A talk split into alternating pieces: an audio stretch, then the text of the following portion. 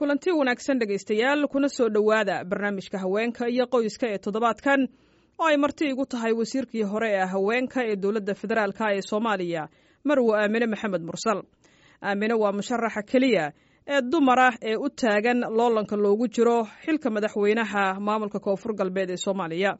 Doorashada ayaa sida qorshuhu yahay waxay dhici doontaa siddeed iyo labaatanka bisha nofembar aamine waxa ay sidoo kale horey u soo noqotay mudane ka tirsan baarlamaanka federaalk ee soomaaliya.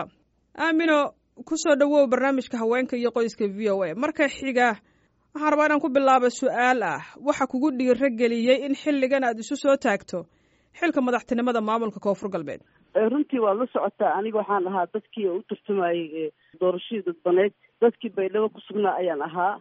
Waxaan ahaa gabdhihii musqulaha lagu soo xiray gabdhihii oo mataqaanaa jirdalka loo geystay inkastoo aan la idilin laakiin gabdho badan ayaa la garaacay oo mataqaana xuquuqdoodii lagu dheelay marka saas awgeedii waxaa soomaalida waxay ku mahmalaa ninkii? Taada kuu diiday tiisaa lagula dhegaa marka waxaan go'aansaday mataqaanaa madaxweynihii hore ee mudan sheekh xasan sheekh aadan maadaama cadaalad cadaalad xumo badan aan ka tabanayay inaan isaga la tartamo kursigaan kula soo fadhiisto waxaad sheegtay oo carabka ku dhufatay ninkii taada kuu diida tiisa lagula dhagaa marka hadda shariif xasan musharax ma aha wuu tegey. Marka musharaxnimadaadii weli sideedii baad ugu dhegantaha inaad musharax ahaato mise waad ka tanasushay marka hadda?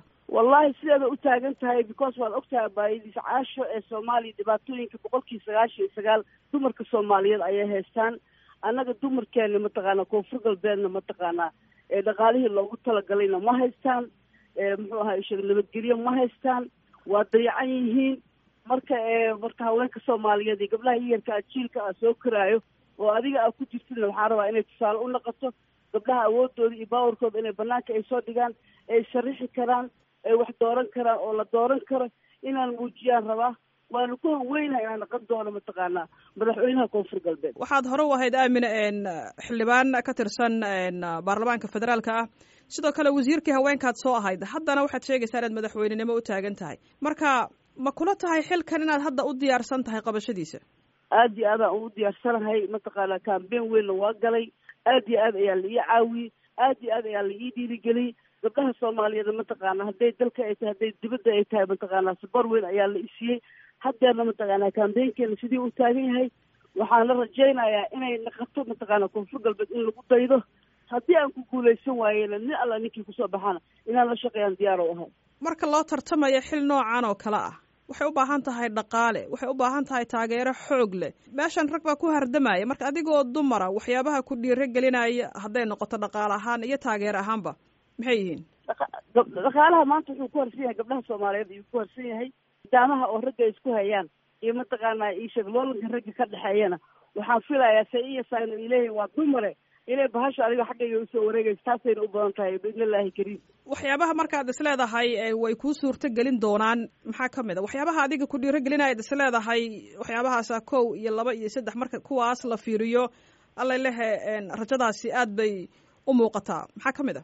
Runta caasho waa la socotaa aniga waxaan ahaan jiray markayga yaraa iyo markaan weynaaday waxaan ahaa isbartiiba ayaa ahaa. Dadka isboortigana waa ogtahay aadaa loogu jecel yahay baydhabana mataqaana waxyaabo badan ayaa u soo qabtay. Hadday dhiirigelin ahaan lahayd gabdhaha soomaaliyeed ama sida dhalinyarada oo kale waa dareemi kartaa magaaladao dhan mataqaanaa amoo codkiisia ayaa ka dhacday. Baydhabo o dhan mataqaana waxaa ka shidan mataqaana. Heeseyga ayaa ka shidan. Kuwiyaad mataqaana waa ka baqashaan filaya marka runtii lacagahana mataqaana waa la iska helaya haddana mataqaana waa haystaa. Waxaan mataqaana kambeyn ku galo. Waxaan doorasho ku galo. Alxamdulilahi alshukrulilahi mahaddaas ilaaha iskale waxaa iskale gabdhaha soomaaliyeed meel walba ay joogaan. Marka waxaanu ku rajo weynahay waxaanu ku rajo weynahay xilkaas inaan mataqaanaa. Aan aan mataqaana koonfur galbeed aan u naqon doono hogaamiyihii oo oo mataqaanaa oo qabsan lahaa xilkaas heesaha adiga aad leedahay magaalada baydhabo ka shidan maxaa ka mid a? Waxaa ka mid ah ulin amo indhiibada waxaa ka mid ah mataqaana maanta aaminaan duub ka saarnay hala doorto hay ushiina aamine u dhiibta kaloo ka sii badan. Ha ulin amo indhiibada marka halku-dhega ololahaaga muxuu yahay ololahayga waa sinaan iyo cadaalad iyo horumar. Iyo inaan ka baxno jahliga iyo dulliga iyo inaan ka baxno mataqaana waddanka aan ku soo rogno nabadgelyo iyo naxariis siday ahaan jirta baydhabo janay dadka laakiin waxay isweydiin karaan aamino hadda inkastood u taagan tahay madaxtinimada maamulka koonfur galbeed soomaaliya. Hore ayaa laguu soo tijaabiyey xilalaad soo qabatay waxaad noqotay mudano baarlamaan oo baarlamaankii federaalka aad ka mid ahayd sidoo kale wasiirkii haweenkaad noqotay. Dadku waxay isweydiin karaan xilalkaa hore aad soo qabatay maxaad bulshada uga soo kordhisay? Taasay marka hore dadku isweydiin karaan. Maxaa dadka sidaas ku fekeri kara? Aad u sheegaysaa caasho caasho waxaa mataqaana waxaan ku soo kordhiyey. Horta anagu markaan wadanka imaanayn dadka dawooyinka mataqaana xoola ayaa lagu tijaabiyey annaga xambal waa lagu soo tijaabiyey. Ilaahay naxariistii jannaha siiyo wasiirkii caafimaadka ee hore qamar aadan iyo aniga ayaa ahayn. Waa labadii gabdhood oo anna waxaana wasiirka haweenka ay ahaa. Qamar aadanna wasiirkii waxay ahayd caafimaadka aheeday marxuum cabdullaahi yuusuf axmed allah u naxariisto. Madaxweynihii geeriyooday habeennimakoodii ayuu noo yeeray wuxuu dhahay mataqaana ma ku dhiirin kartaan muqdisho inaad tagtaan.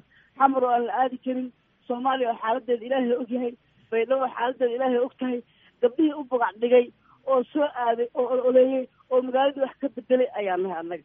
Marka qof walba taariikhda ayaa qoraysaa taariikh fiican oo lama ilaawaana ayaa runtii soomaaliya aan ku leeyahay. Taasna waxaa caddeyn kara mataqaana maanta soo dhaweynteydii iyo mataqaana sidii baydhabo laiga diyaar garoowey iyo mataqaana inta ummadoo iisoo baxday ayaa ka ka dareemi kartaa caashi marka runtii qof bulshada mataqaana aada loogu jecel yahay ayaan ahay xoogaaya haddii aan is ammaano waxaana hooyo mataqaana waddanka ku soo dhaawacantay hooyo mataqaana qarannimada soomaaliya inay laguheed soomaaliya ku istaagto wax badan kaga soo shaqeysa ayaan ahay. Saddex sano kahor soomaaliya waa ku dhaawacmay caloosheeda mataqaana banaanka ayay u soo baxday dib baa loogu celiyey waxaan mataqaana carruurteeda waxaan ahay british ayaan ahay ingiriis bassbort oo ingiriis ayaan haystaa laakiin waddankayga waa soomaaliya waayo marka ismadhiga mataqaana waa lagugu dhaawacay. Barxuumkii ila socday allah u naxariistay xildhibaan faysal ayaa la dhihi jiray. Wuu dhinto shan cad ayuu noqday anna waktigeygii ma gelin. Marka intaasoo mataqaanaa juhdi ah oo cabsi leh oo wax walba leh ayaa soomaaliya geliyay aniga marka. Calee xaal meela ugu socdana ma lahan. Maantana haddii aan aan aan xoogaa inkastoo aan rabo inaa ees sheega sheega laakiin maanta waa qiraaya. Lixdan jir ayaan ahay aniga marka ma u socday ani hadeer mataqaana yurub kuma noolaan karin. Waddankaasaa rabaa contributionka intii oo nolosha iga harsan inaan siiyo. Marka waayo mataqaana ma ka maarma soomaaliya soomaaliya waa waddankeena waddankeeli anaga aan leenahay waay meel fiican ayaan maraynaa maantana waa arkaysaa wadankii dhalinyaro ayaa qabsatay. Mataqaana waad arkaysaa dawladaha dariska hadda ula dhaqmayno isay noola dhaqmi jireen. Waad arkaysaa mataqaana etoobiyada cuseebka nolosha ay gaartay. Inay boqolkii kontonba ay gabdhaha ay siiyaan oo maanta madaxweyne ay ka tahay etoobiya gabar waana u hambalyeynaya fursadaan oo kaga faa'idaysanaha gabadha presidentaha ka ah ee etoobiya waa tahay marka ugu dambeyntii aabino waxaa tahay musharaxa keliya ee dumara ee hadda si cad u sheegay inuu u tartamayo madaxweynenimada maamulka koonfur galbeed soomaaliya inta kale waa rag. Marka bal rajada aad ka qabto in intaasoo raga aad ka soo dhex qaado cadkaasi idin dhex yaalla. Intee buu gaarsiisan yahay wallahi waa dheeryahay inkastoo waa iska dareemi kartaa mataqaana raggeena soomaaliya kheyr allaha siiya waa iska shirfan yihiin. Haddana ma rabaan gabdhaha awoodooda in la arko.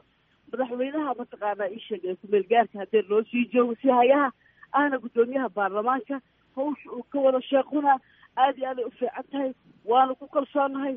Biidnillaahi kariim mataqaana koonfur galbeed waxay noqon doontaa tii mataqaana lagu daydo. Doorashooyinka soo socda because caashis aa ula socotidba marna waxaa foodana soo hayo tii puntland iyo tii mataqaana ii sheega jubbaland? Waxaan filayaa inay lagu daydaan